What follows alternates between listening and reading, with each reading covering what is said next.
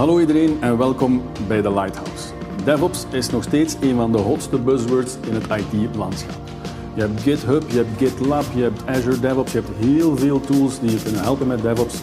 Maar vandaag heb ik Matthias bij mij van Arxus die ons daar een klein beetje wegwijs in gaat maken. Welkom bij The Lighthouse.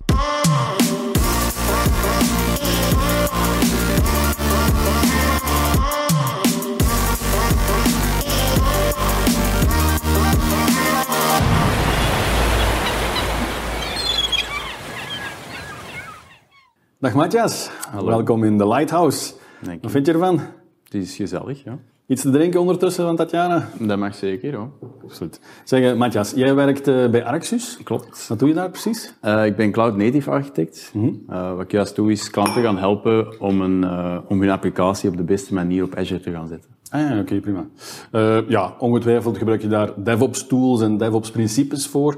Ja. Ehm, ja, just for a reminder's sake, eh, DevOps, het is een zeer overbeladen term. Kan je eens even in vijf minuten of in twee minuten uitleggen wat jij denkt dat DevOps is? Ja, voor mij is het een, een, een set van van alles. Hè. Je hebt dus eh, processen, maar je hebt ook de tools en ook de mensen moeten gaan aanpassen aan de DevOps cultuur. Ja.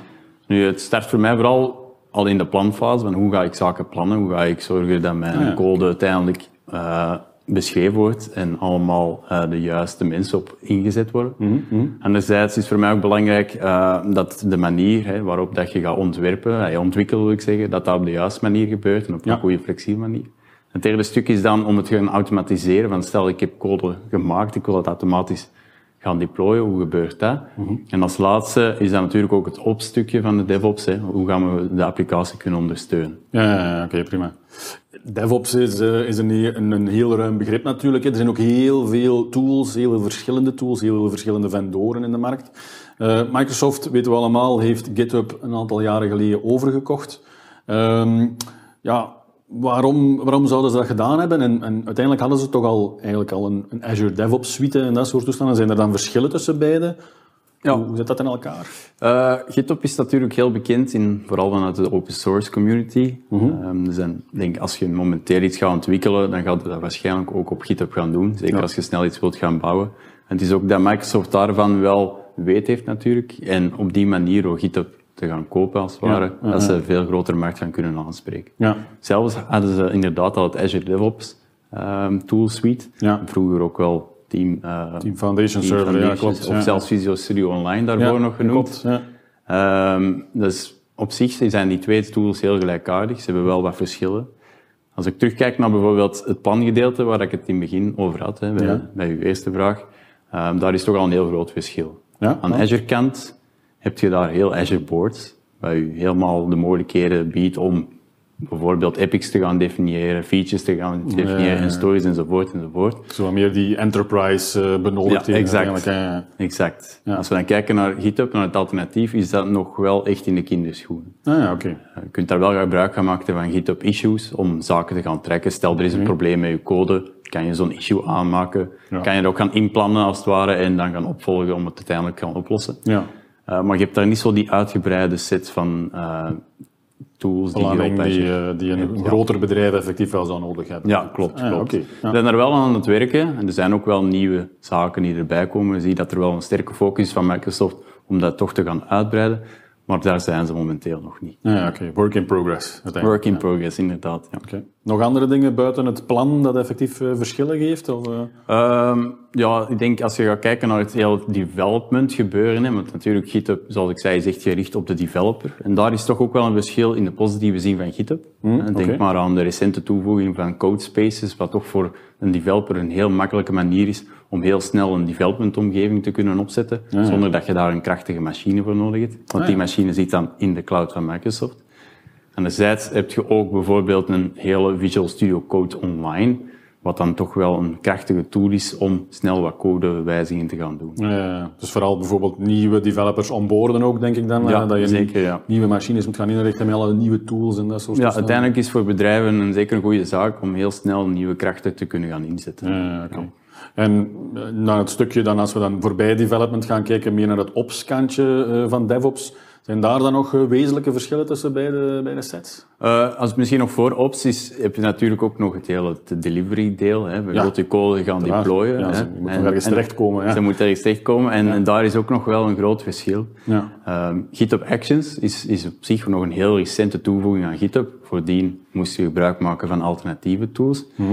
En je ziet ook nog wel dat het daar ook nog aan de jonge kant is, om het zo te zeggen. Als Ja, we gaan vergelijken met Azure DevOps en wat die allemaal aanbieden, zien we dat dat veel uitgebreider is. Matuurder ook waarschijnlijk. Ja, zeker. Het is ook gericht, zoals je zei, op de organisaties, op de enterprises. En je ziet dat daar bijvoorbeeld veel meer mogelijkheden zijn om bepaalde rule sets of gateways, eh, dat er dus meer controle ingebouwd kan worden. Ja, oké.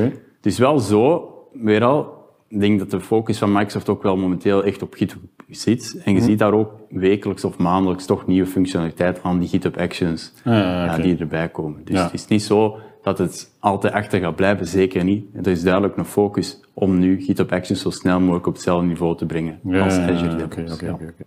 Oké, dus eh, wezenlijke verschillen tussen beide tools en zo. Als ik het goed begrijp, ligt de strategie naar de toekomst toch zeker toe volop op het GitHub-verhaal bij Microsoft.